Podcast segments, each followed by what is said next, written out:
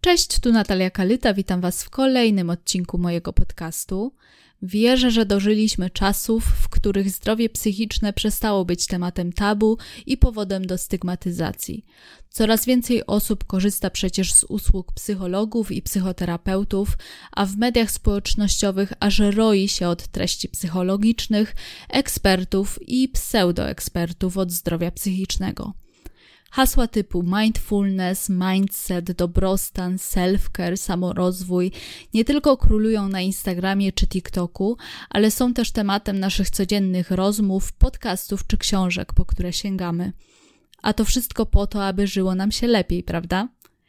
Dlatego zaprosiłam do rozmowy psycholożkę na co dzień pracującą z dziećmi i moją koleżankę Dominikę Wojciechowską, aby opowiedziała skąd właściwie wzięło się takie zainteresowanie zdrowiem psychicznym, jaki wpływ na popularyzację tego tematu mają media społecznościowe, jak odróżnić prawdziwego eksperta od zdrowia psychicznego od pseudoeksperta z TikToka i gdzie szukać sprawdzonych informacji. Nie zabrakło również tematu psychoterapii i pytania, czy w dobie kryzysu tradycyjnych religii self-care i mindfulness mogą stać się nową religią XXI wieku. W opisie tego odcinka znajdziecie linki do sprawdzonych i zweryfikowanych źródeł wiedzy na temat zdrowia psychicznego i numery telefonów zaufania dla dzieci i dorosłych. Pamiętajcie, że mojego podcastu możecie słuchać na Spotify, Apple Podcast i YouTube oczywiście. Na Spotify i na YouTube jest dostępny w wersji wideo. Byłoby mi bardzo miło, gdybyście wystawili mu 5 gwiazdek na Spotify i Apple Podcast, zaobserwowali mój podcast, a na YouTubie zasubskrybowali mój kanał dali łapkę w górę temu odcinkowi i skomentowali go. A może macie ochotę ten odcinek, czy każdy inny, udostępnić, polecić komuś, to byłoby dla mnie prze, prze, prze miłe. I za wszystkie takie działania bardzo dziękuję. Pamiętajcie, że znajdziecie mnie również w mediach społecznościowych, na Instagramie Kalytka Podcast, pisane łącznie. Tam jest mnie najwięcej, są treści podcastowe, ale również treści pozapodcastowe, także zapraszam. A teraz przejdźmy już do mojej rozmowy z Dominiką. Miłego słuchania.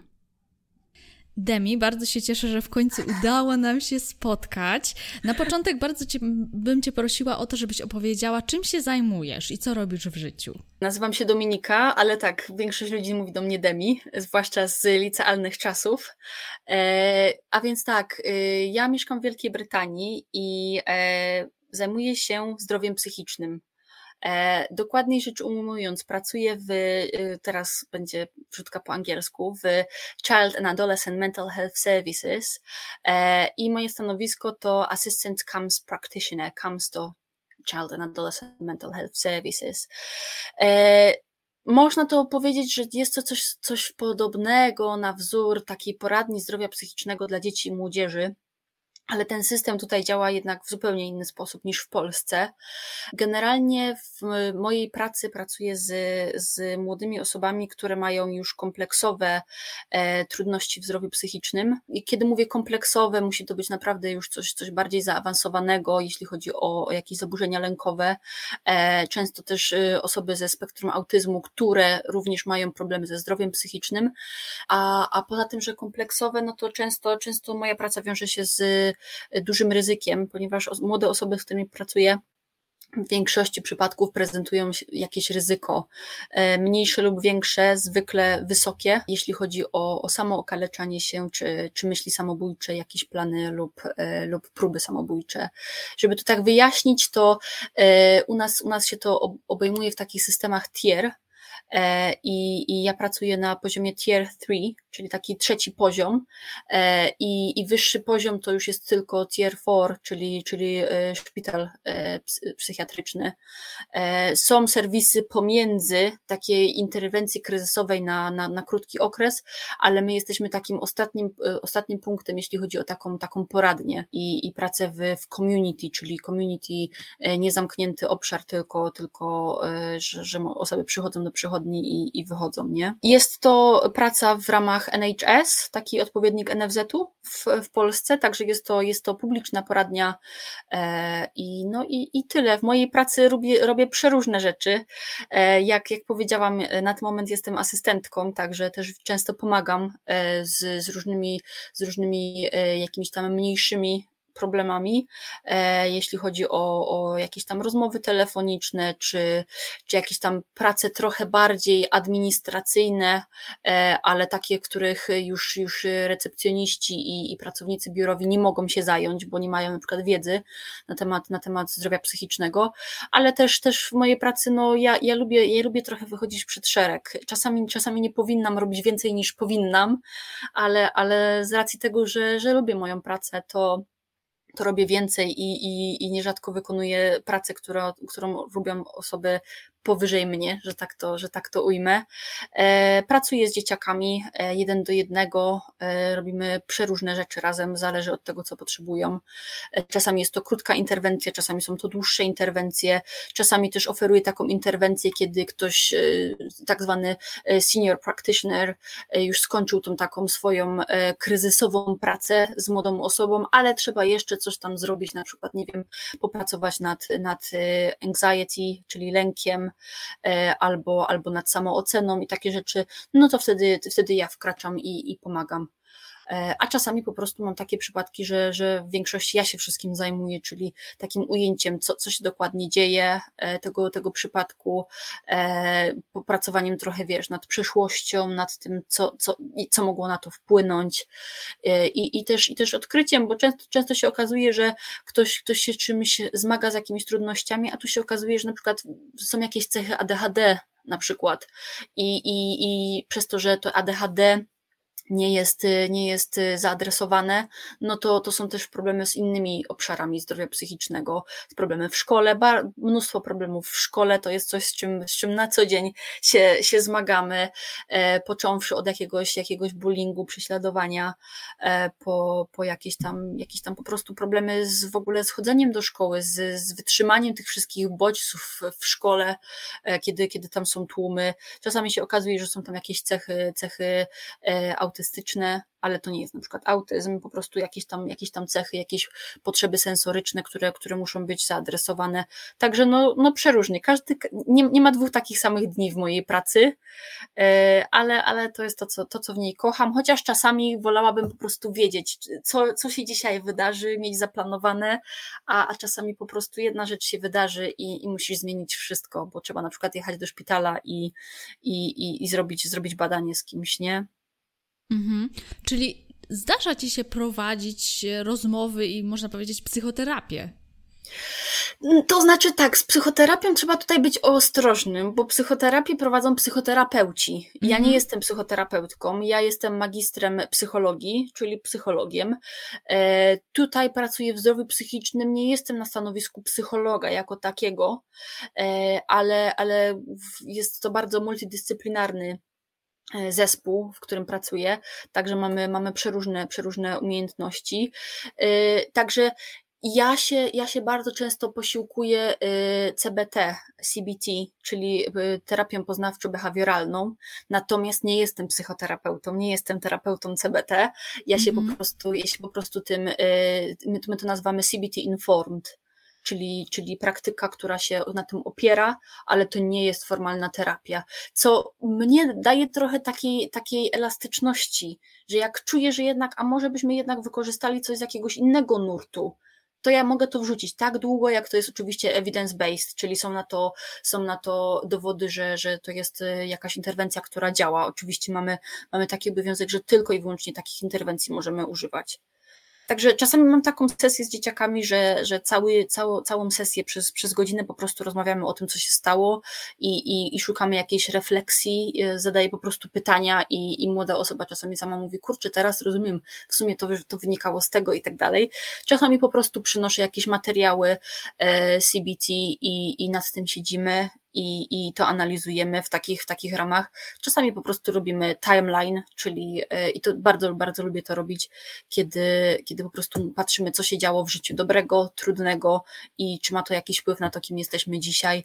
Także, także to mi daje trochę takiej elastyczności Mhm.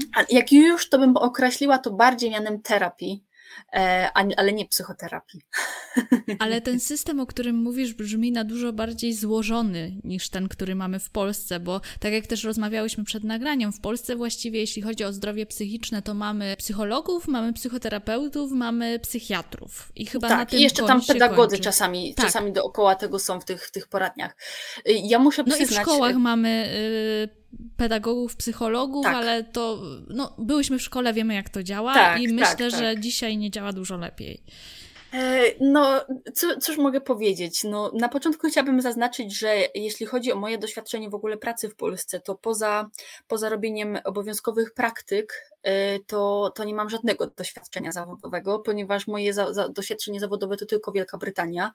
E, jeszcze zanim, zanim pracowałam, to też, też byłam wolontariuszką w takiej organizacji charytatywnej Demix, która, która pomaga młodym osobom również, ale, ale to, to tak tak, tak pobocznie, jeśli chodzi o moje doświadczenie. Także ja tą swoją wiedzę bazuję na tym, co, co, czego się nauczyłam na uniwersytecie na temat polskiego systemu co wiem tam od niektórych znajomych, którzy, którzy pracują w Polsce, e, bo nie wszyscy po moich studiach pracują w zawodzie. E, nawet bym powiedziała, że z tego mojego grona znajomych to, to mniejszość.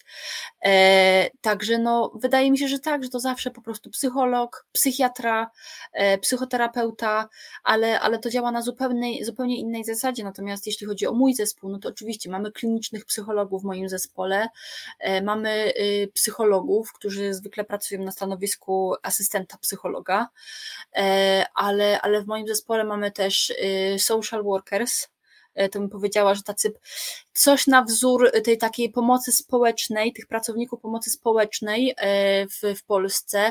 Mamy mental health nurses, czyli, y, czyli pielęgniarki zdrowia psychicznego.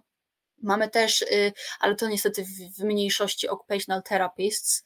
E, mamy też osoby z przeróżnych, przeróżnych y, background, przepraszam za te moje wrzutki w języku angielskim dzisiaj, e, z przeróżnych, z przeróżnych środowisk. Na przykład niektórzy po prostu robili coś na, na wzorzec y, w studiach, na, na studiach na wzorzec zdrowia psychicznego młodzieży, albo funkcjonowania młodzieży i, i tyle.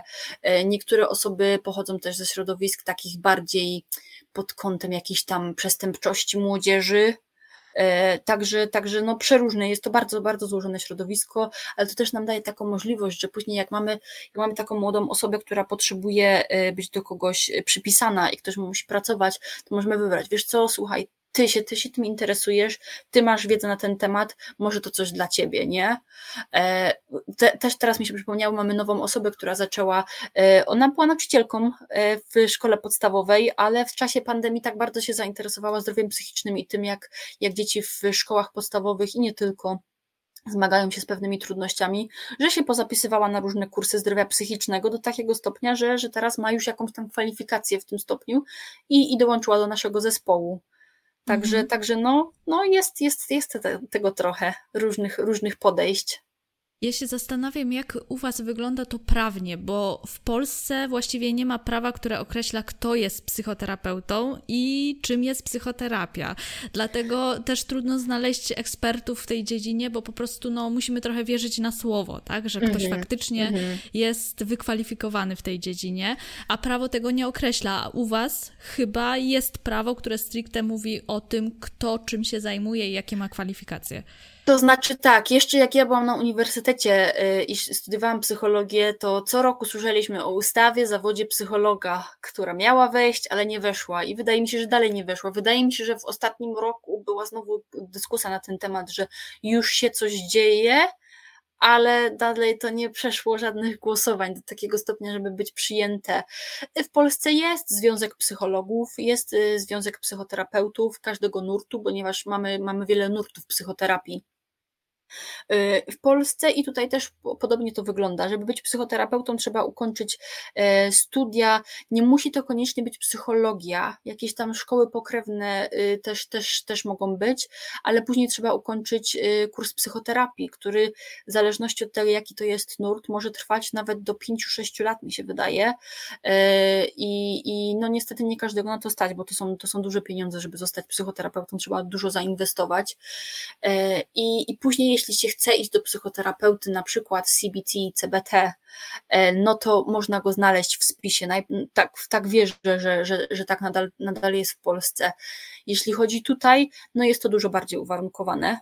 E, ja jestem członkiem e, Brytyjskiego Stowarzyszenia Psychologów, ale gdybym miała dyplom na przykład w, w jeszcze w counselingu, czyli w takiej terapii, to trochę tak też kolejna inna, inny odłam w Wielkiej Brytanii, co można zrobić, no to oni mają też swoje stowarzyszenie, swój związek.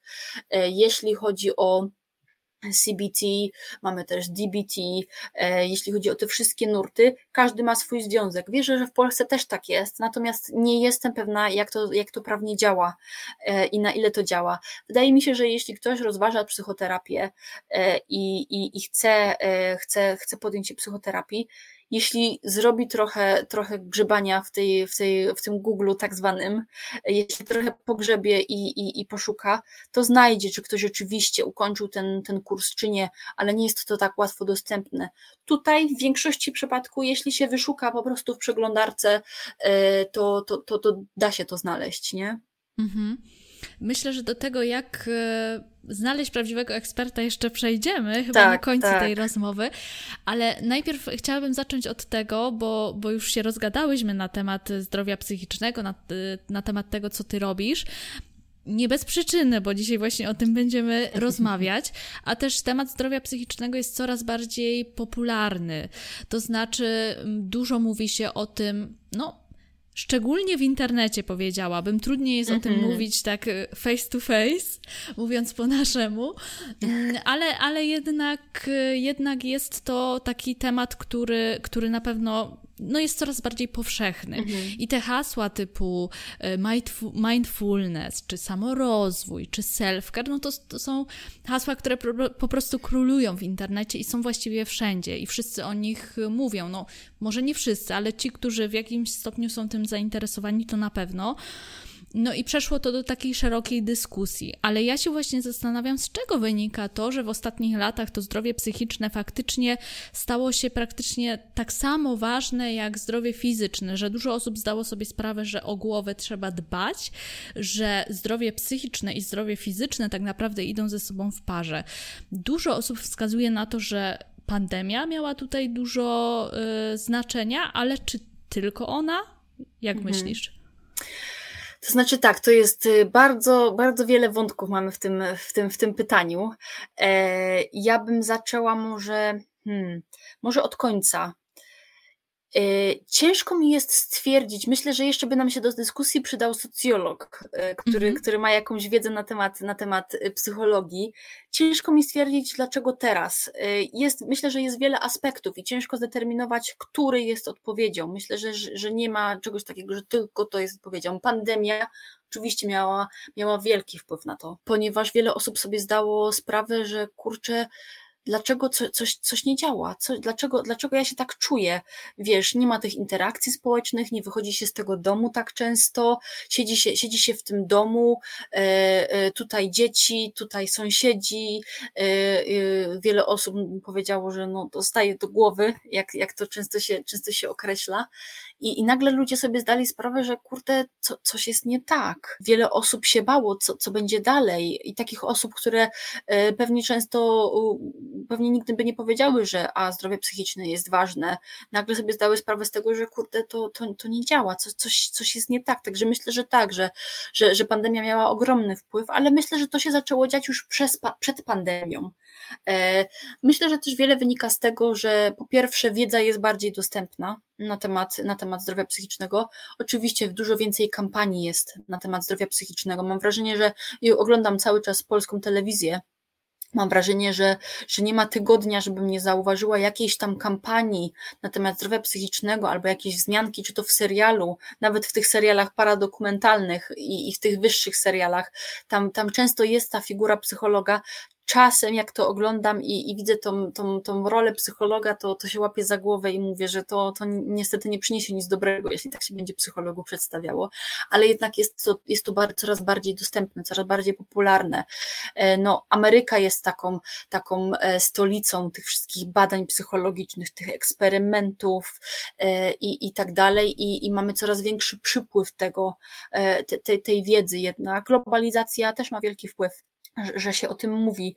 Taka zmiana podejścia, tak jednak te pokolenia wcześniej, to jednak o tym się nie mówiło, było to ogromne tabu. E, jeśli ktoś miał już jakieś tam jakieś problemy, no to, to się już mówiło, że to już po prostu straszne, że ktoś już widział, widział słyszał jakieś rzeczy, e, wylądował w szpitalu psychiatrycznym i, i, i było takie, takie wielkie tabu, żeby pójść do psychologa, a, a po co mam iść do psychologa? Teraz dopiero, dopiero ludzie rozróżniają psychologa psychiatrę jeszcze parę lat temu, zresztą, zresztą dotąd zdarza się, że ktoś się mnie zapyta, a jaka jest różnica między psychologiem a psychiatrą, o co chodzi? E, no, różnica jest taka, że psychiatra to jest doktor, to jest lekarz, który, który może diagnozować jakieś zaburzenia, może przypisywać leki, psycholog może coś sugerować, może coś dostrzegać, może zrobić badania, ale jednak, jednak tej, tej finalnej kropki tam, tam nie postawi. Do psychiatry się bardziej chodzi jak do lekarza, do psychologa bardziej jak już do tego terapeuty. E, myślę, że to, to takie daje, daje rozróżnienie. Także myślę, że jest, że jest bardzo, bardzo, bardzo wiele czynników, które się do tego przyczyniły. E, bardzo media społecznościowe bardzo wielką rolę też odegrały.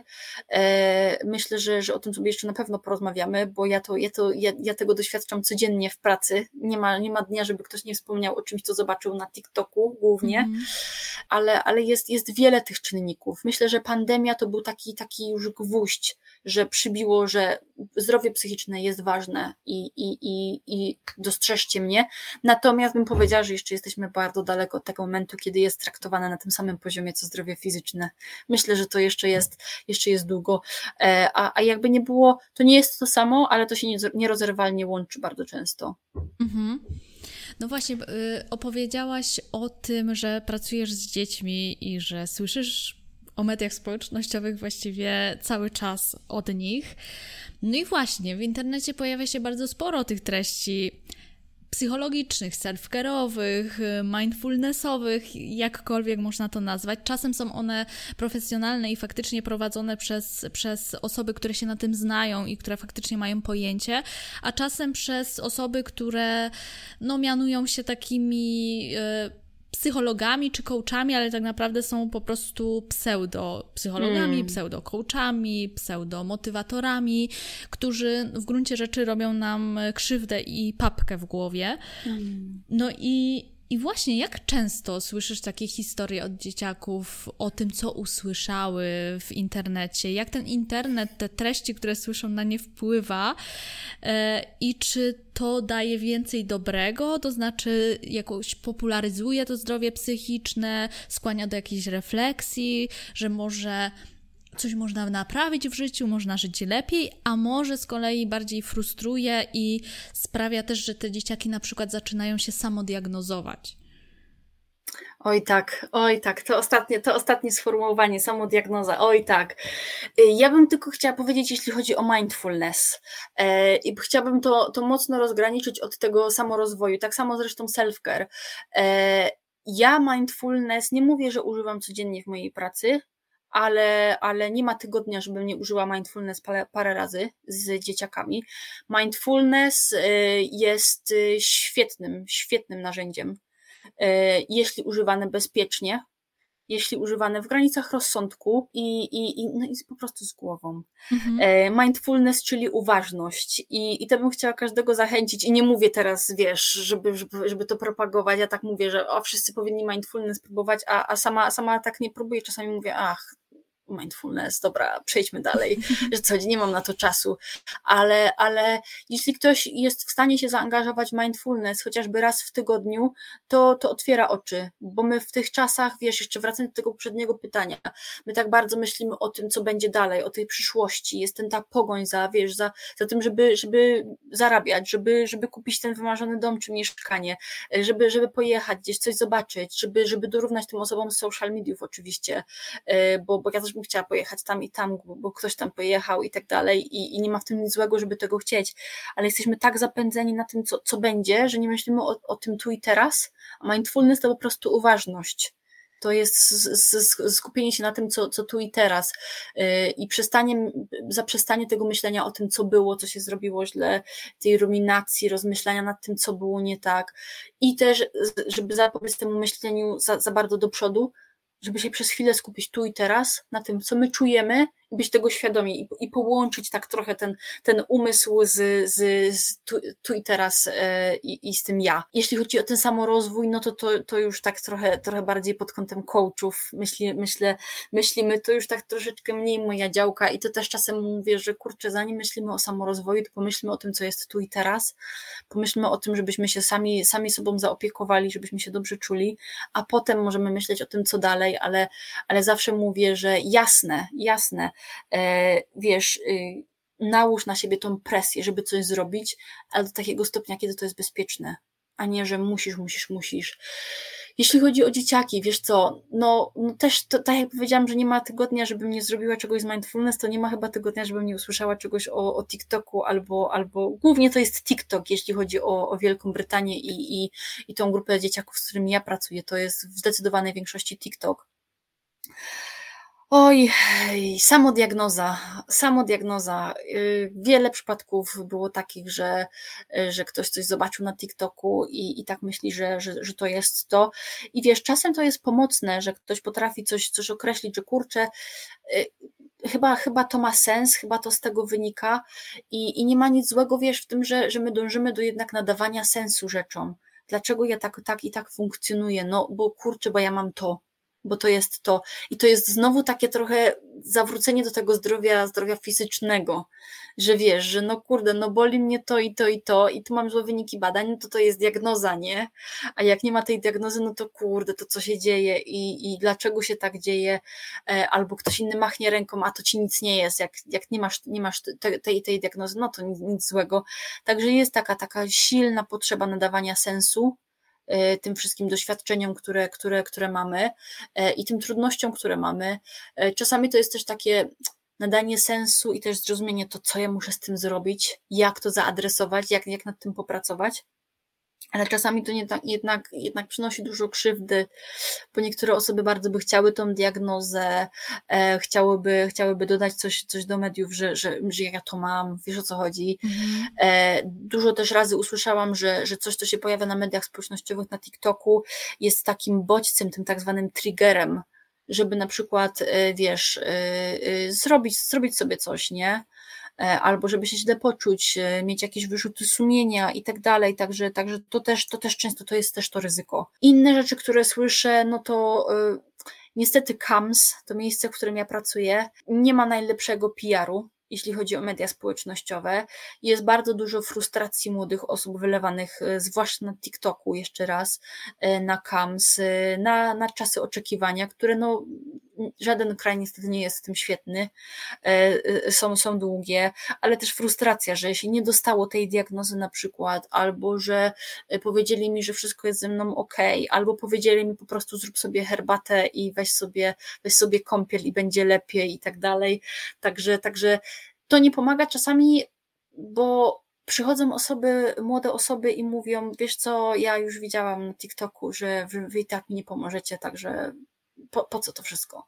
Mhm. E, także niestety to, to, to robi dużo, dużo złego. Ale też są pozytywne rzeczy. Jest mnóstwo pozytywnych, pozytywnych treści publikowanych w mediach społecznościowych. Jest mnóstwo takich rzeczy, które dla nie, do niektórych osób trafią. I tak samo te osoby, które mówią, że wiesz co, tego dnia czułem się gorzej, zobaczyłem to i to na TikToku, poczułem się gorzej, e, to innego dnia przyjdę i powiedzą, wiesz co, zauważyłem coś takiego i spróbowałem, spróbowałem tego tego wypróbowałem i, i to mi pomogło. Także no, ciężko jest powiedzieć, czy to jest dobre, czy to jest złe. To jest tak jak ze wszystkim. Tak długo jak to jest, jest jakiś balans w tym, że jest tyle samo dobrego, jak i złego, to jest dobrze. Ale, ale jak sobie myślę też o takich osobach, które e, mają te 11-12 lat i wchodzą w ten świat tego, tych, tych, tych social mediów, no to, to, to jest zmartwienie co, Mhm. co one tam mogą, co one tam mogą dostrzec. Niektóre osoby praktykują mindfulness, bo znalazły to na TikToku. Niektóre osoby powiedzą, że y, na TikToku mówią, że to jest bullshit i oni tego nie będą próbowali. Y, Niektórzy mówią mi podczas sesji, że to jest bullshit, ale jak na TikToku to ktoś przedstawi, to mówię, że to jest w sumie super. Mhm. Także, także to, to, jest, to jest bardzo, bardzo, bardzo różne, y, różne informacje otrzymuję na ten temat, ale, ale zdecydowanie jest to cały czas obecne. Cały czas te media społecznościowe są gdzieś, nawet bym nie powiedziała, że w tyle, powiedziałabym, że idą w parze, że idą z Mhm. boku, obok Mhm. nas, nie? Wydaje mi się, że i mindfulness czy self-care to wszystko jest składowa zdrowia psychicznego i warto korzystać z tych narzędzi, tylko no właśnie z głową i Tak. słuchać osób, które naprawdę się na tym znają, a niekoniecznie wszystkiego, co usłyszymy na TikToku. No ale też, no niestety nie mamy wpływu na to, co algorytm nam podrzuci. Mm. Mamy jedynie wpływ na to, czy uwierzymy w to, co zobaczymy. Tak. Ale z drugiej strony, jak sobie przypomnę siebie jeszcze sprzed jakiegoś czasu, kiedy faktycznie też czułam się nie najlepiej i, i gdzieś tam przeglądałam internet, to bardzo łatwo w takim momencie po prostu uwierzyć w to, co się Mm. widzi. I ja jako dorosła osoba to mówię, więc nie wyobrażam sobie, jak taki 11 czy 12-latek y, może na to zareagować, bo po prostu, no, jak jesteś w kryzysie, to naprawdę trudno jest myśleć racjonalnie. Tak, tak. I, i to, jest, to jest duże zmartwienie. Jest, y, i ja bym tak bardzo chciała y, podrzucić Ci potem po naszej rozmowie y, parę linków y, do wklejenia w, w opisie, gdzie można zasięgnąć sprawdzonych informacji. Jeśli chodzi o Wielką Brytanię, jest tutaj dużo takich szeroko znanych stron internetowych, jak na przykład Mind dla młodszych osób, Young Minds, i, i jest, tego, jest tego sporo gdzie masz tą potwierdzoną wiedzę od ekspertów. E, także co sobie nie wyszukasz, co sobie nie wygooglujesz, jak to się mówi, to te pierwsze wyniki wyjdą tych, zwykle tych sprawdzonych stron. Natomiast, no, jeśli chodzi o, te, o te, ten TikTok, ten Instagram, e, Facebook wydaje mi się, że troszeczkę bardziej, ale to też zależy, jest nad tym kontrola, tam jest bardzo dużo oficjalnych stron. Na tych innych mediach społecznościowych też, też są te oficjalne strony, ale myślę, że jest dużo więcej laików. I wiesz, nie chciałabym teraz wszystkich wrzucić do jednego wora, że każdy, kto jest laikiem, kto nie ma wiedzy, kto nie ma wykształcenia, nie może, nie może publikować takich treści. Oczywiście, że może, ale muszą to być zawsze te sprawdzone źródła. Jak ja, tak jak ja mówię, ja w mojej pracy mogę używać jedynie evidence-based practice, czyli takiej praktyki, która ma jakieś dowody naukowe idące za tym, że to działa, że to jest skutecznie, a nie są to jakieś, wiesz, wymysły.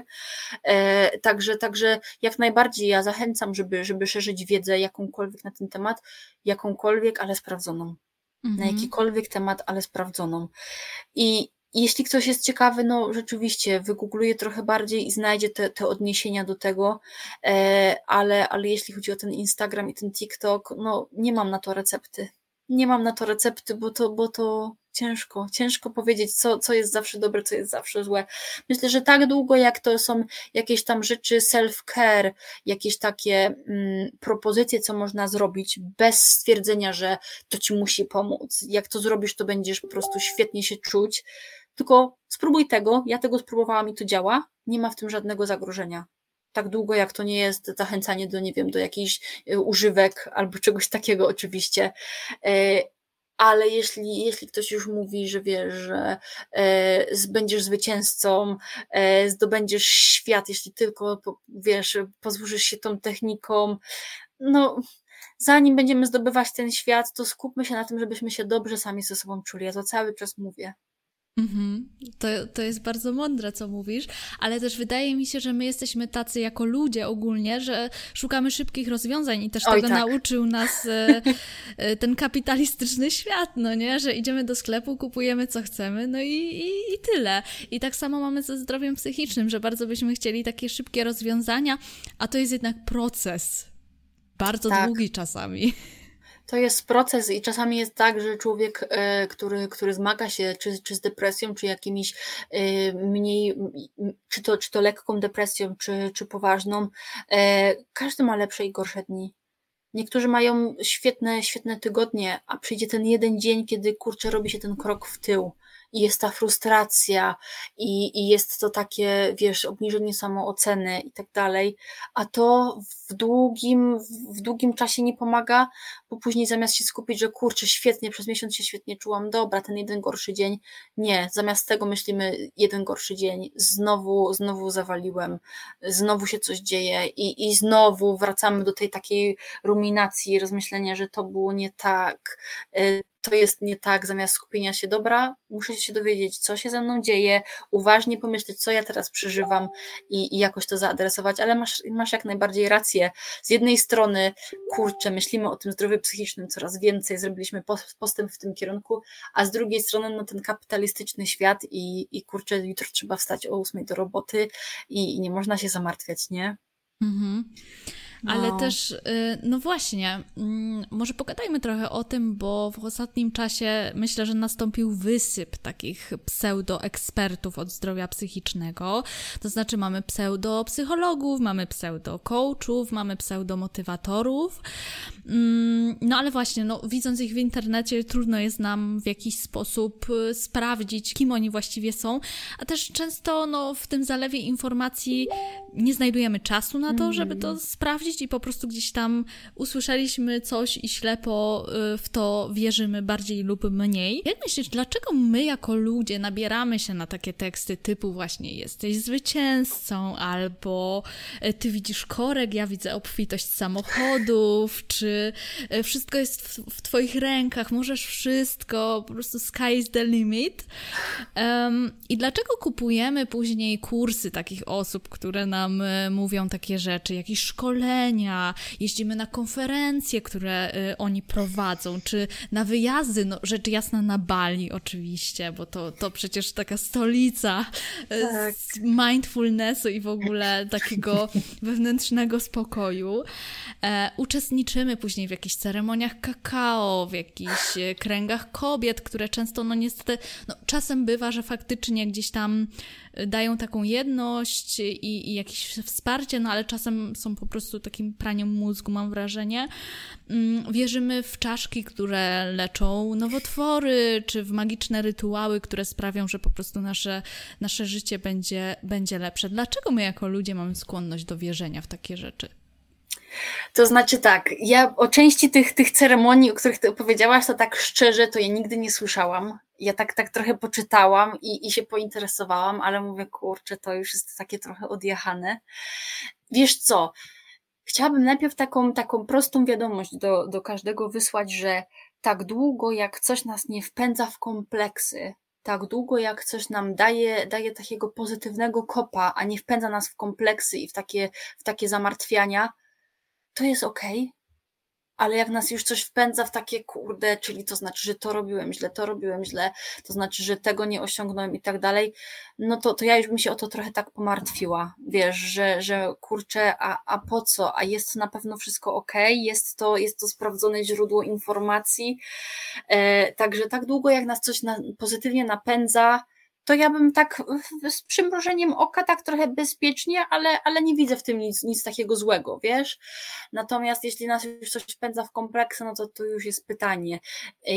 Ja swego czasu, powiem szczerze, nie znam imienia i nazwiska tej osoby, ale, ale znalazłam w internecie na tych, na tych tak zwanych w ogóle Poland e, tygodnik, nie i tak dalej. Znalazłam takie, takie e, memy i takie nagrania e, z jakiegoś wystąpienia jednej, jednej chyba z trenerek, tak mi się wydaje, o limitach i powiedziała, że chciała zrobić przelew na bardzo wysoką kwotę. Nie wiem, czy słyszałaś o tak, tym. Tak, nie wiem, tak. czy każdy, kto słucha, Rytuał słyszał. robienia przelewu. Tak, e, że, że chciała zrobić przelew e, i, i nie przeszedł jej ten przelew na jakąś taką bardzo wysoką kwotę, oczywiście musiała to zaznaczyć, na jakieś spełnienie jakiegoś marzenia i nie przeszedł jej ten przelew. I ona nie wiedziała, dlaczego jej ten przelew nie przeszedł.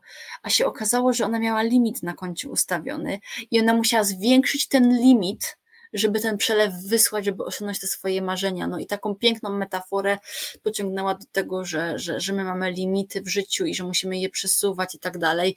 No powiem tak, filozoficznie to brzmi świetnie. I tak jakby to nawet określić taki, jakby to tak sprowadzić trochę na ziemię, to ja myślę, że to by nie było takie, takie, takie bardzo złe. Mhm. Ale mówimy znowu w tej cukierkowej przestrzeni o wielkich kwotach, wielkich podróżach, wielkich marzeniach, tych limitach i tych przelewach na wielkie kwoty. I to już nas wpędza w kompleksy. Bo, bo kurde, no, a mi nigdy nie wyskoczył limit na koncie bo ja takich przelewów nigdy nie robiłam. Wiesz o co chodzi? To już mhm. nas wpędza, kurde, w te, w te kompleksy. A, a jest w tym coś, że czasami mówimy, a nie dam rady, a nie, bo, bo kurczę, nie, nie, nie pójdę, nie wiem, no, choćby, nie wiem, pójście na basen. Nie, nie pójdę, tyle lat nie chodziłam na basen, kurczę, tak uwielbiałam chodzić, ale nie, jednak ten mój, to moje ciało, już się tak nie czuję, a kurczę, a może ktoś by przyszedł, wiesz, z boku, powiedział, a chodź, ja pójdę z tobą, chodź, pójdziemy razem, jak się boisz, to zrobimy to, albo nie wiem, jakiś skok na bungee, jeszcze to są takie, wiesz, takie w miarę rzeczy, albo pójście do parku linowego. Ktoś by chciał, ale się boi, no to w takich chwilach jasne, możemy pomyśleć o, tym, o tych swoich limitach i żeby je tak trochę, tak jak ja mówię, trochę tej presji dodać. No pewnie, no ale jak mówimy już o jakichś wielkich przelewach i tak dalej, no to to już jest takie i nadajemy temu taką, taką magiczną aurę. No po co? Po co te, mhm. ta magiczna aura? Sprowadźmy to trochę na ziemię. Pomyślmy o tym tak zwanym przysłowiowym Kowalskim, który tak naprawdę on nie myśli o swoich limitach, bo on myśli, jak, jak przeżyć do dziesiątego, e, jak tam, jak tam z dzieci, dzieci, dzieci na wakacje, może fajnie by było zabrać i tak dalej. Sprowadźmy to jednak do takich rzeczy i dajmy jakiegoś takiego pozytywnego kopa bez tych kompleksów. To, to ja mhm. bym to powiedziała. Natomiast jak tak sobie myślę o tych wszystkich, czemu my w to wierzymy? Wiesz, no fajnie jest nam, jak na, nam ktoś powie, że jesteśmy zwycięzcą. No przyznaj, no Kaletka, mm jesteś zwycięzcą. No, no nie było fajnie no by pewnie, czegoś takiego usłyszeć. Pewnie, że jestem. Pewnie, że jesteśmy. Mm I wiesz, i tak jak mówię, tak długo jak to jest bezpieczne i to nam nie, nie, nie zatraca tak trochę tego, tej rzeczywistości, no to to nie jest w tym nic złego. Wiesz, może, może nam ktoś mało, mało w życiu mówił, kiedy byliśmy młodsi, że jesteśmy zwycięzcą, albo że ktoś jest z nas dumny. Czasem trzeba usłyszeć takie rzeczy i nie ma w tym nic złego, że ktoś nam coś takiego powie, albo że my coś takiego zaakceptujemy i się z tego cieszymy. Natomiast znowu, musisz osiągnąć to, musisz, wiesz, te, te musisz, już samo, samo to, sama ta fraza musisz nam nadaje takie, takie poczucie, że, że kurczę, tak naprawdę my nie mamy tej sprawczości, bo po prostu musimy to zrobić i znowu ślepo, wiesz, dążymy do tego, że, że, że, że tak jest. Tak długo jak nas coś motywuje pozytywnie, jasne, spoko, ale jak coś ma takiego znamiona, ja nie chcę, nie chcę użyć stwierdzenia sekta, mm. bo jak już pod koniec tej twojej wypowiedzi tak powiedziałaś o czym, że że to już czasem jest niebezpieczne i takie pranie mózgu. No, ja tak, tak miałam ostatnio taką, taką konwersację z, z kimś i powiedziałam, że jak się uprzeć, to sektę można zrobić ze wszystkiego. Mhm. E, tak mi się wydaje. E, I, i, i myślę, że bardzo ważne jest wtedy spojrzenie osób z zewnątrz, rodziny, przyjaciół. Jak ktoś nam mówi, kurczę, jesteś pewna, wiesz, że, że to jest wszystko ok i tak dalej, wiesz, tak, takie, jak to nie jest ocenianie, to, to posłuchajmy jednak i zastanówmy się, czy wszystko jest ok, czy to na pewno jest w porządku to, co my robimy, czy to nie wpływa na nas negatywnie i, i coś, co wracając w ogóle do mojej pracy, jak, jak, e, jak ja zaczynam pracę z dzieciakami, ja często chcę określić takie goal, gole nasze, nasze cele na tą terapię. Miejmy z tyłu głowy, co było naszym celem, jak żeśmy weszli na tą stronę internetową. Bardzo często zapominamy kompletnie, googlujemy, klikamy, odkrywamy. Trzymajmy to w głowie, co było naszym celem, dlaczego wyszukaliśmy tego konkretnego coacha, co my chcieliśmy osiągnąć.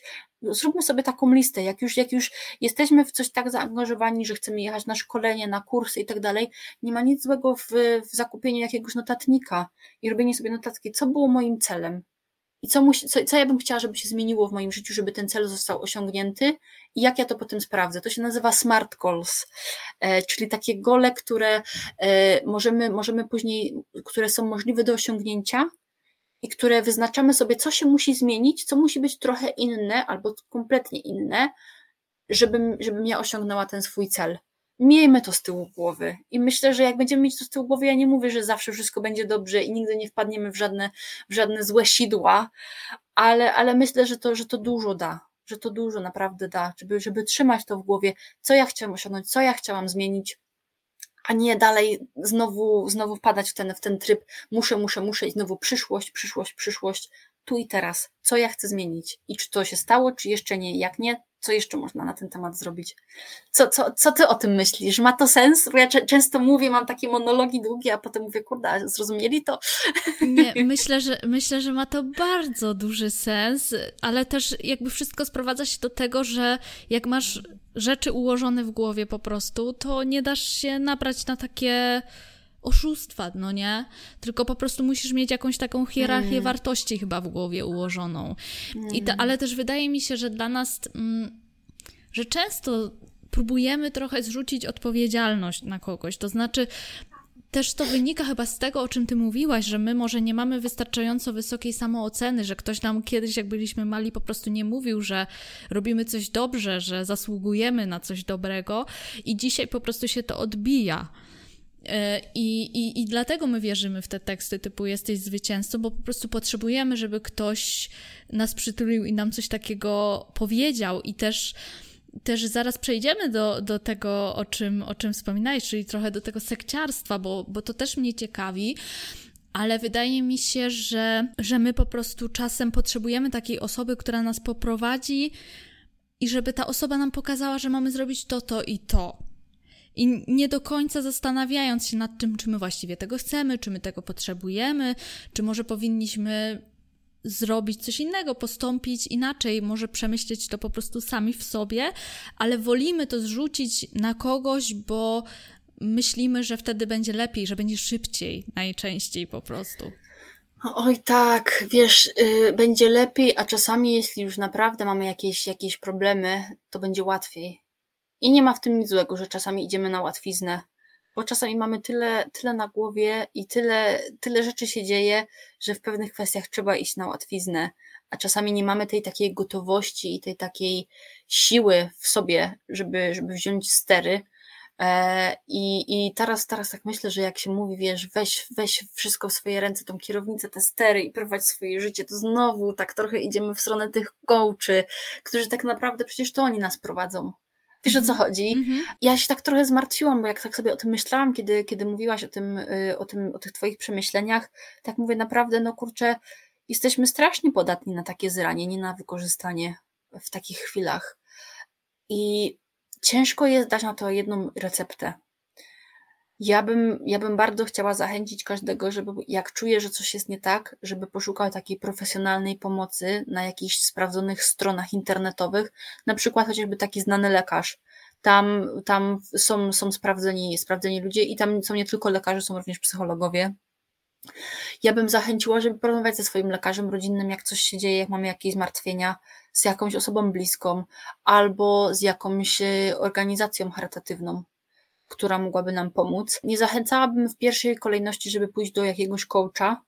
Coache nie, nie, mam, nie mam nic przeciwko, chociaż to jest kompletnie nie moja działka, kompletnie nie moja bajka, ale, ale w pierwszym momencie ja bym zachęcała jednak, żeby, żeby w, ten, w tą stronę do tego podejść, e, bo, bo jesteśmy podatni na zranienie i nie jest, nie jest niestety gwarantowane, że to jest, to jest zawsze czynnik, czynnik ludzki jednak, jednak to jest praca człowiek-człowiek i zawsze, zawsze jest to ryzyko.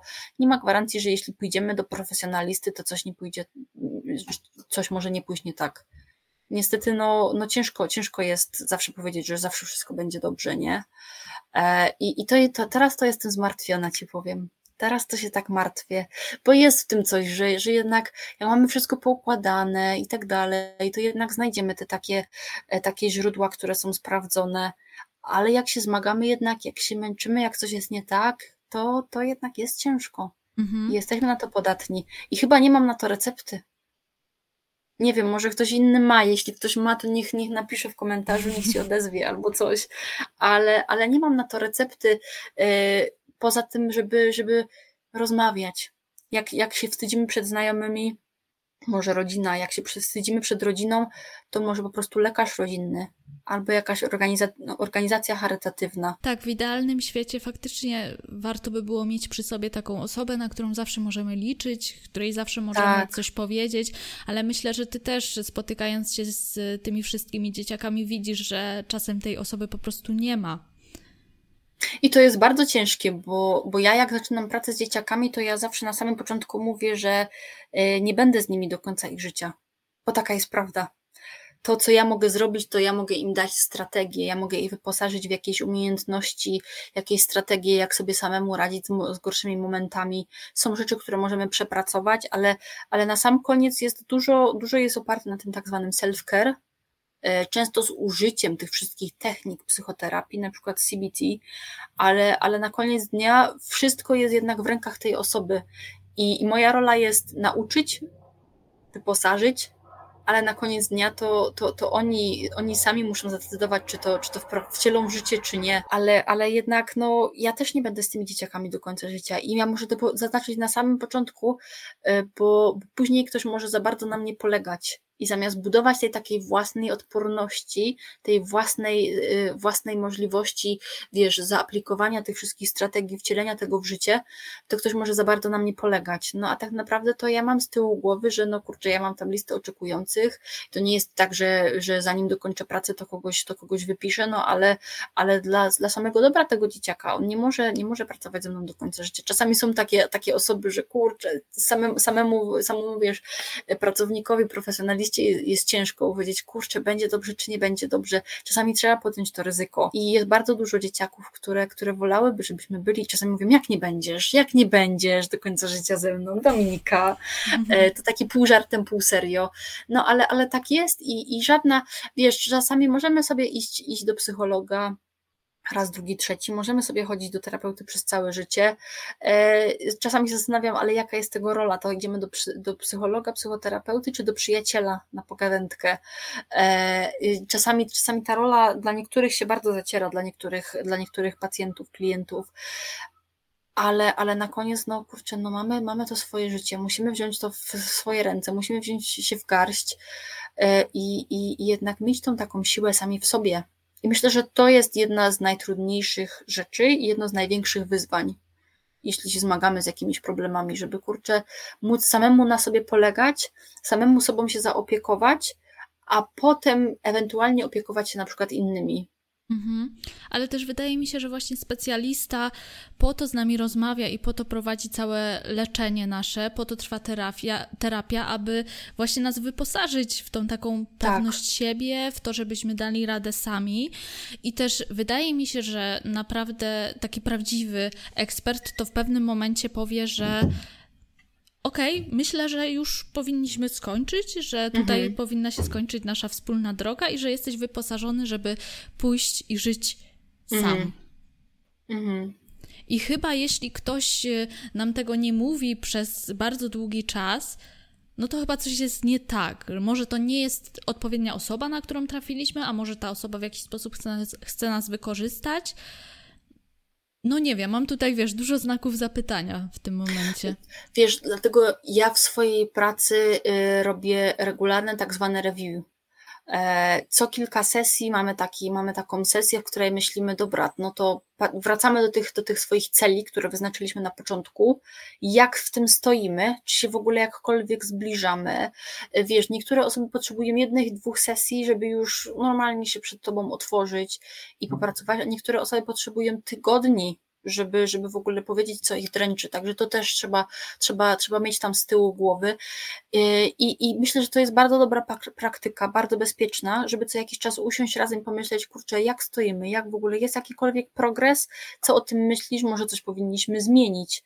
E, no teraz nie mogę powiedzieć, że, że każdy psycholog musi tak zawsze robić, każdy ma swoje tam jakieś, e, jakieś wiesz, jakieś narzędzia pracy, jakąś taką e, strukturę, ale, ale to jest to, jest to co, ja, co ja cały czas mówię, wyznaczać te cele i sprawdzać, jak, jak stoimy, czy coś, czy coś się ruszyło.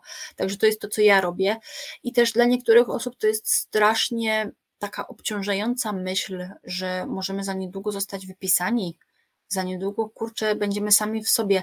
A ja to zmieniam z drugiej strony i mówię, i czasami trzeba to, trzeba to tak trochę zaimplikować, że ale to ty zrobiłaś progres. To jest dlatego, że ty tyle osiągnęłaś w tym czasie, że my widzimy taką różnicę, że parę miesięcy temu to i to było dla ciebie niemożliwe, na przykład, nie wiem, wyjście z domu albo pójście samemu na zakupy, bo i takie przypadki się zdarzają, kiedy to jest zbyt, zbyt wielki lęk. A teraz spójrz na ciebie, przychodzisz tutaj samodzielnie, nie wiesz o co chodzi, zobacz jaki, zobacz jaki zrobiłeś postęp, masz teraz te i te strategie, czasami trzeba zaplanować, ok, jakby coś poszło nie tak, no to tutaj razem, razem pomyślimy nad tym planem, co, co zrobić, jak coś pójdzie nie tak, także, także to są te takie strategie, które można zaimplikować ale, ale na koniec dnia no, no, no jest, jest to ciężkie i, i, i łatwiej jest komuś jednak dać to prowadzenie e, niż, niż samemu wziąć, wziąć, wziąć to wszystko, wziąć się w gaść i, i przejąć tą kontrolę, ale to jest jeszcze raz myślę, że coś, nad czym trzeba popracować. Mhm. Może w pierwszej kolejności a może w ostatniej. Wszystko zależy, jak, jak to stoi e, wśród innych celi. To jest bardzo ciekawe, co, co ty mówisz, i, i bardzo dużo jest w tym mądrych rzeczy, i myślę, że to na, ze mną na długo, długo jeszcze zostanie. Ale chciałabym wrócić do tego tematu, bo powiedziałaś, że nie lubisz tego określenia, że mindfulness może być y, sektą. I mhm. że wszystko właściwie sektą y, może być dzisiaj. I ja się absolutnie z tym zgadzam ale myślę, że w kryzysie takich tradycyjnych religii może być to pociągające. To znaczy, że my zaczynamy wierzyć w mindfulness, że to jest jakaś siła wyższa, mm, która daje nam e, taką siłę sprawczości, ale też troszkę odbiera odpowiedzialność za to, co, co robimy w życiu i co nas czeka. Zresztą. No, są osoby, które oczywiście się deklarują, że są ateistami jak najbardziej, ale też na przykład słyszałam takie słowa, już nie wiem od kogo, że kurczę, od jakiegoś ateisty w każdym razie, że zazdrości osobom wierzącym tego, że, że mają jakąś nadzieję, że mają jakiś sens życia, że to jest coś takiego pokrzepiającego właśnie, co trochę trochę może odebrać tę odpowiedzialność i tę presję życia. I ja myślę, że, że jak najbardziej, ale też taką rzeczą może być właśnie mindfulness. No i pytanie, czy czy faktycznie uważasz, że w XXI wieku, w 2023 roku mindfulness może stać się taką, taką nową religią, a może właśnie sektą? Jeśli wybierzemy takiego może niezbyt odpowiedniego przewodnika, tego guru, tego bożka, no to, to może w pewnym momencie zrobić nam dużo, dużo krzywdy, bo bo może ma nam opowiadać przez bardzo długo, że możemy wszystko, że wszystko zależy od nas i tak dalej. Możemy się na to nabrać, ale w gruncie rzeczy będzie nas to po prostu oddalało od rzeczywistości, bo wydaje mi się, że to też jest duża różnica między, między psychoterapią, właśnie, a taką powiedziałabym pop psychologią, czasem, czasem tak to nazywam, że, że psychoterapia gdzieś, gdzieś tam próbuje nam radzić sobie z rzeczywistością i z tym, co już mamy a tacy, tacy ludzie, tacy pseudoeksperci w internecie od zdrowia psychicznego próbują nam trochę wmówić, że świat jest inny, że my możemy wszystko i, i że żyjemy w jakiejś takiej bańce, która jest nie do końca zgodna z tym, co, co, co faktycznie w rzeczywistości. Nie wiem, jak ty to widzisz. Wiesz co, tak czasem już się tak zastanawiam y, z, z, tym mindfulness, skąd to się to wszystko wzięło, ta komercjalizacja, ta, ta, ta taka popularyzacja do takiego stopnia, że, że, że robi się jakieś takie sekcje. Ja myślę, że to jest trochę dodawanie tej idei do tego wszystkiego. Generalnie mindfulness wywodzi się, ma tam te swoje y, początki z buddyzmu i z medytacji. E, Także, także dla mnie trochę jest zaskakującym tym, że, że dorabia się do tego wokół jeszcze jakieś inne, nowe rzeczy, kiedy to tak naprawdę to się wywodzi z buddyzmu e, i, i, i, i co tam można jeszcze do tego dodać. E, jest, jest w tym coś, że, że, trochę, że trochę się to, ta, ta idea wokół tego, że to się tak trochę zatraca, sam, sam sens mindfulness w mindfulness się zatraca. Mm -hmm. Mindfulness to jest uważność, to jest skupienie się na tu i teraz, na bodźcach, które do nas docierają, na tym, co, tym, co my przeżywamy, co my myślimy w danym momencie, co się dzieje w naszym organizmie, w naszym umyśle. To jest to, o co chodzi w mindfulness. I, i, i, i trzymajmy się tego, trzymajmy się tego. Mindfulness ma mnóstwo zastosowań. E, jak, jak sobie tak robiłam, robiłam kolejny e, research w, w Google, e, to nawet znalazłam, że teraz bada się, czy, czy mindfulness może pomagać w chorobach układu układu oddechowego. I tak sobie mówię, kurczę, skąd to, skąd to w ogóle się wszystko wzięło, jak to? No ale, ale jest, jest coś w tym, żeby, żeby żyć w zgodzie z samym sobą, żeby to też jest y, taki nur, nurt terapii ACT, y, który jest trochę powiązany z CBT i on też bardzo dużo, bardzo dużo sięga do mindfulness, żeby akceptować to, że kurczę, no jest ciężko. Zamiast mówić, nie, nie jest ciężko, jest dobrze, y, nie, nie myślę o tym, wyrzucam to w ogóle z mojego umysłu. No nie no, kurde, dostaję takie myśli od czasu do czasu, że, że czuję się beznadziejnie, że czuję się po prostu, no, do tupy. Mhm. I, I tak jest, i te myśli przychodzą, ale to nie znaczy, że one, że one są prawdziwe. Mam, mam takie podejście, że okej, okay, to przychodzi, co my z tym zrobimy? To tak samo przychodzi myśl, jestem do dupy, ale przychodzi myśl, kurde, kiedy schabowe na obiad. Wiesz o co chodzi? Mhm. Ja, ja, wiem, że ja to tak trochę trywializuję, ale, ale my tych myśli non-stop, tych myśli w naszym, w naszym głowie, one krążą non-stop, to się nie zatrzymuje. To jest właśnie ten moment, żeby się skupić, ta uważność na tu i teraz, na tym, że akceptuję, nie oceniam, czy to jest dobra myśl, zła myśl, głupia myśl, nie oceniam. Ja jestem ciekawa, a nie, nie już z takim aspektem oceniania, że to jest złe, to jest B, to jest fajne, to jest ten. I myślę, że jak, że jak się trzymamy tych, tych głównych zasad, tego mindfulness, to to nam krzywdy nie zrobi. Natomiast jeśli dochodzi do tego jakaś ocena, no to jakaś ocena, że i, i to jest ten aspekt taki religijny, że to jest dobre, to jest B, to jest, to jest złe, to jest dobre, no to to już zatracamy ten cały sens tego mindfulness i tego, jakie są jakie są te podstawowe zasady tego. Także tu bym zachęcała, żeby po, po, po, poczytać sobie na przykład na Wikipedii o mindfulness, czy w języku polskim, czy jeśli ktoś się czuje komfortowo w języku angielskim. Jest w języku angielskim, no przyznam, że jest dużo, dużo szersza ta strona. E, oczywiście w Wikipedii każdy może dodać sobie cokolwiek chce, ale zawsze muszą być te, te małe odnośniki, te małe cyferki obok, jak ktoś kliknie, to są odnośniki, skąd się to wzięło, na przykład z jakiegoś artykułu. Jest mnóstwo innych stron. Ja znowu bardziej siedzę w tych, w tych anglojęzycznych, ale, ale poszukam czegoś sprawdzonego, żeby wkleić tutaj w komentarzu o mindfulness, jak tego stosować.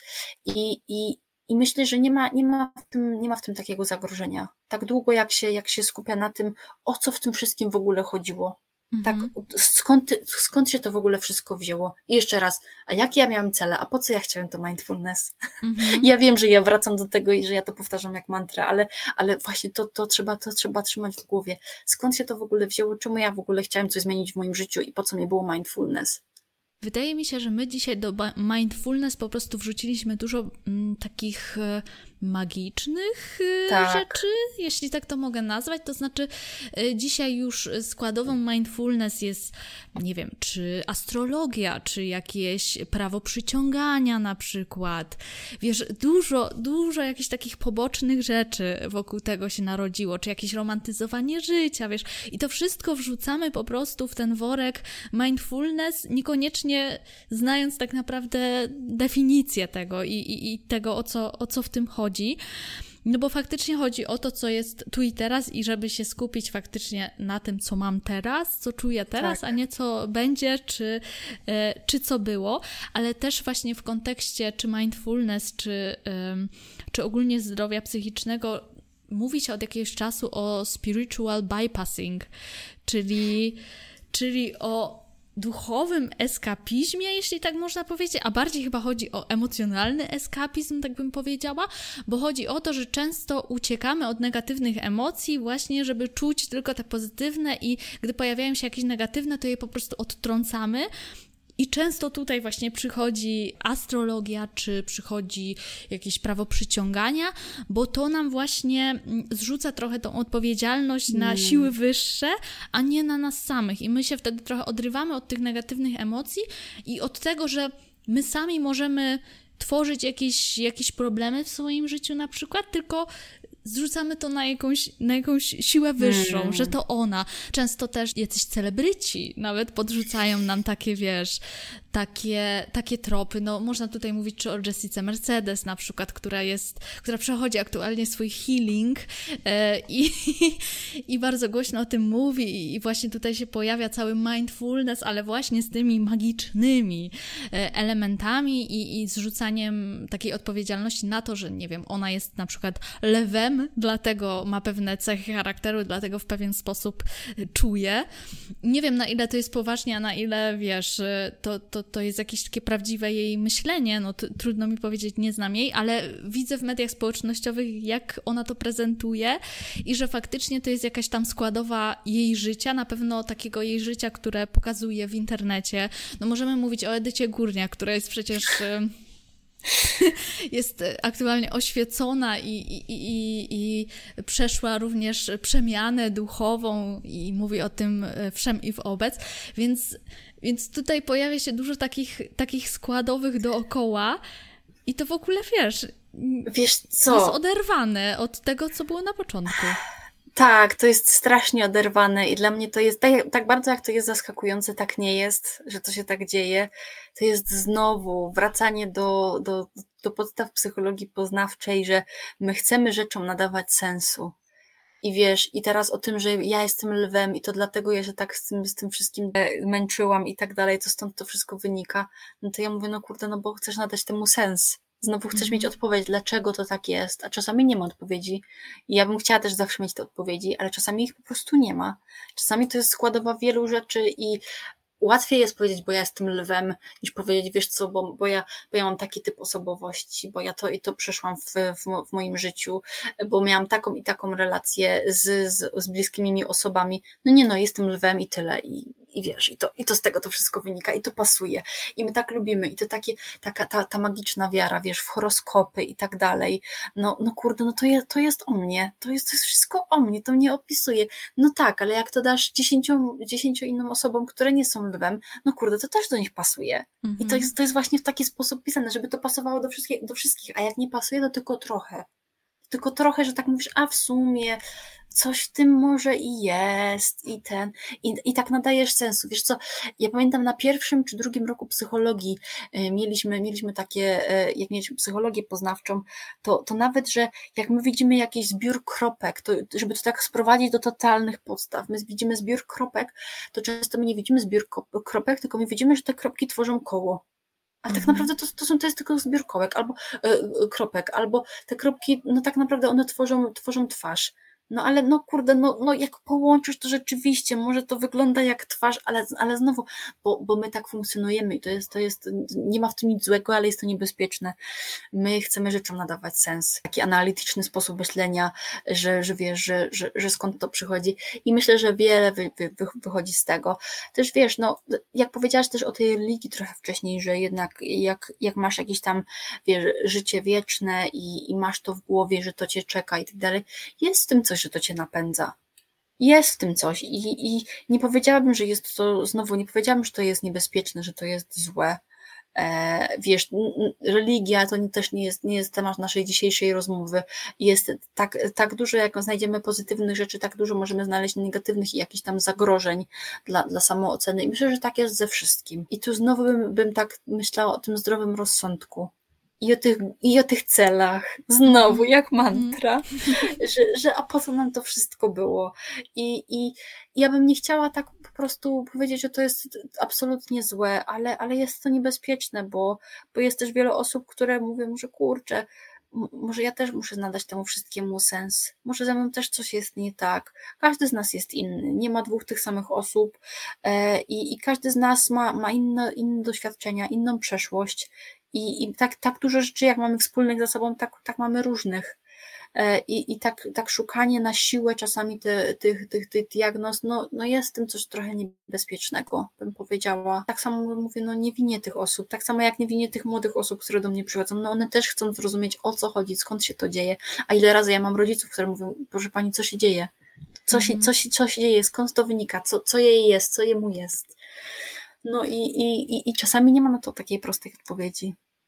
Ale wiesz, a czasami to jest strony... spektrum różnych wszystkich innych rzeczy. Tak samo jak czasami ktoś mówi, na pewno, na pewno mam autyzm, na pewno to jest autyzm.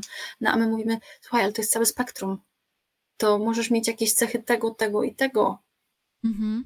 Ale też pytanie, jak jeśli dostaniemy tę diagnozę, no to co się zmieni? Co dalej? No, to ja bardzo często, bardzo często o to pytam.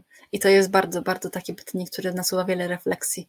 Mhm wiele refleksji. Ja zawsze mówię, nieważne czy to jest to, czy, czy nie to, Musimy coś z tym zrobić, musimy tego za, temu zaradzić. Zamiast skupiać się na diagnozie, skupmy się, co się dzieje i jak temu zaradzić. Często mam rodziców, to jest na pewno ADHD. Ja mówię, kurczę, no ja nie, nie jestem pewna, czy to jest ADHD. Mówię, a nawet nieważne, czy to jest ADHD, czy nie, musimy, musimy temu zaradzić, musimy się nauczyć jakoś, jakoś, yy, jakoś radzić sobie z, tym, z, z tymi, z tymi wyzwaniami, które przychodzą i z tym, co się dzieje. E, diagnozę zostawmy tam z tyłu. Mhm. Ale to jest też ciekawe, że rodzice przychodzą do ciebie, żeby us- że już mają jakąś diagnozę. Tak. A ty jako ekspert, czy, czy podejrzewam inni twoi koledzy z pracy, mówią: Nie, nie, nie, czekaj, musimy się nad tym zastanowić. Ja nie jestem pewna, ja do końca nie wiem. Tobie jest łatwiej powiedzieć, że nie wiesz, niż osobie, która właściwie się na tym nie zna w ogóle. Tak, tak, tak. No i tutaj właśnie pojawia się pytanie, jak jeśli mamy faktycznie jakiś problem, albo po prostu jeśli konsumujemy treści w internecie i nas interesują treści psychologiczne, czy, czy dookoła tego, to jak znaleźć takie osoby, które faktycznie są ekspertami w swojej dziedzinie, a nie chcą nas w żaden sposób oszukać, nie są pseudoekspertami, pseudokołczami, etc. Jeśli chodzi o psychologię, na tym się mogę wypowiedzieć. Dyplom psychologa ma osoba, która ukończyła pięcioletnie studia jednolite magisterskie. Jeśli ktoś ukończył cokolwiek innego, no to, to nie jest psychologiem. I to bym, to, to bym tego bym się chciała trzymać. Psychoterapię, żeby być psychoterapeutą, psychoterapeutą, nie terapeutą, trzeba ukończyć kurs psychoterapii, mieć dyplom ukończenia kursu psychoterapii. I, jeśli chodzi o terapię, to już różnie bywa ale bardzo często, jeśli się wpisze, na przykład, że ktoś jest terapeutą takim i takim, jeśli się wpisze, co to jest terapia ta i ta, to w internecie da się znaleźć, czy to jest pseudoterapia, czy to jest terapia, która jest tak zwany evidence-based, czyli że udowodniona, że, że, że to jest działa i że to jest e, dozwolone stosowanie tego. Także tym, tym bym się posiłkowała i po prostu zapytać, jakie masz kwalifikacje, jakie masz doświadczenie. Nie ma w tym nic złego. Jeśli się czujemy głupio, że kurde, tak zapytać, to powiedzieć po prostu, wiesz co, bo ja już sama nie wiem. Chciałabym po prostu wiedzieć, czy na pewno mogę Ci zaufać. Chciałabym, żebyś mi udowodniła, bo jednak ja Ci chcę powierzyć całe moje życie.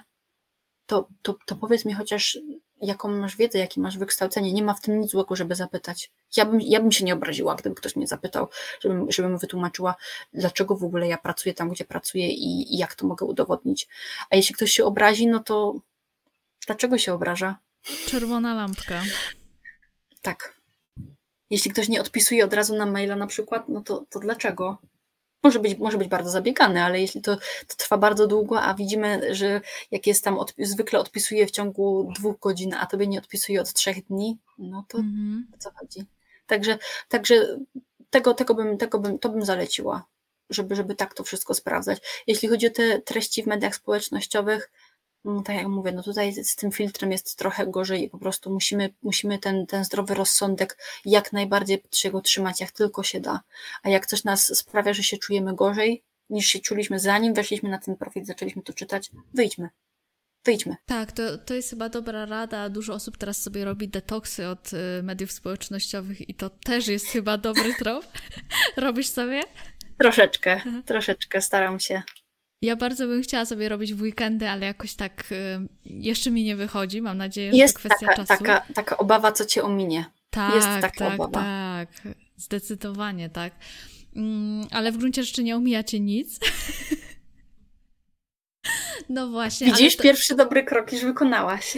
Tak, tak, ale wydaje mi się, że też też te media społecznościowe trochę pomagają nam uciec od tego tu i teraz, bo my się boimy tak, tego tu i teraz. Tak, tak, tak. Więc tak, wolimy tak. uciekać albo w przyszłość, albo rozgrzebywać przeszłość, bo to, co jest teraz, to, co tak naprawdę tylko się liczy, no to często jest dla nas e, trudne do uchwycenia. Chyba będziemy kończyć powoli. Czy masz jeszcze jakieś takie słowo, jakąś Nie, refleksję myślę, że, na koniec? Myślę, że, że, że dobrze zakończyć właśnie z tą myślą, że kochani, skupmy się na tym, co jest tu i teraz I to nie jest tak, że mamy porzucić myślenie o przyszłości i YOLO, tak zwane za mm. naszych czasów. Teraz nie wiem, czy to jest dalej popularne. Żyje się raz i tak dalej. To nie o to chodzi. To nie o to chodzi. Zawsze trzeba mieć e, często te, te takie cele na przyszłość. To jest to paliwo, które nam pomaga się skupić na tu i teraz. I tak jak ja wyznaczam cele e, terapii z, z dzieciakami, tak też wyznaczam takie cele długoterminowe. A kim byście chcieli zostać z zawodu? A nie wiem, a co byście chcieli zobaczyć? A jakie są wasze marzenia? Takie i osiągalne, i te nieosiągalne, ale ważne są te takie osiągalne, te takie trochę bardziej przyziemne. Dla niektórych nawet to, że kurde, ja bym bardzo chciał mieć samochód, jak będę mieć 18 lat albo chociaż te 20. No i super. I to jest często, albo ktoś by chciał być, nie wiem, y, ja bym chciał pomagać innym, po prostu pomagać innym, nieważne w jaki sposób trzymaj się tego, trzymaj się tego, niech to będzie twoje paliwo do tego, żeby się skupić na tu i teraz. I, i tym akcentem myślę, że, że, że, że możemy właśnie zakończyć i, i przesłać te takie, takie pozytywne i realistyczne wibracje. Nie tylko pozytywne, kochani, i nie tylko zawsze jesteśmy pozytywni, czasami jesteśmy negatywni i tak jak dostajemy pozytywne myśli, tak dostajemy negatywne i tak to już, tak to już niestety jest, ale da się z tym poradzić. Czasami jest ciężej, wtedy proszę, zasięgnijmy jakiejś specjalistycznej pomocy. Można zacząć od lekarza rodzinnego. Mhm. Dziękuję Ci bardzo za tę rozmowę. Myślę, że tutaj Dziękuję. było tyle wątków poruszonych, że tak naprawdę z każdego można by było nagrać os osobny tak. odcinek, więc mam nadzieję, że jeszcze kiedyś wrócimy do tematu. Dobrze. Super. No a Wam dziękuję za wysłuchanie tego odcinka. Mam nadzieję, że Wam Dziękujemy. się podobał i że, że dużo refleksji e, z Wami zostało. Dzięki. A ja przepraszam i... za tak? wszystkie wrzutki w języku angielskim. Starałam się je jak najbardziej minimalizować, bo nie zapomniałam, jak się mówi po polsku, przez to, że mieszkam w Wielkiej Brytanii kilka lat, ale, ale jeśli chodzi o zdrowie psychiczne, no niestety cały czas pracuję na pełen etat i, i cały czas jest to w języku angielskim, ale starałam się spolszczać wszystko. Coś nie ma sensu, to, to pewnie, pewnie dlatego, że to na szybko próbowałam wytłumaczyć w języku polskim z angielskiego, ale chyba nie było tak źle. Myślę, że było bardzo, bardzo dobrze. Jeszcze raz dzięki Dziękujemy. i do usłyszenia w następnym odcinku. Cześć!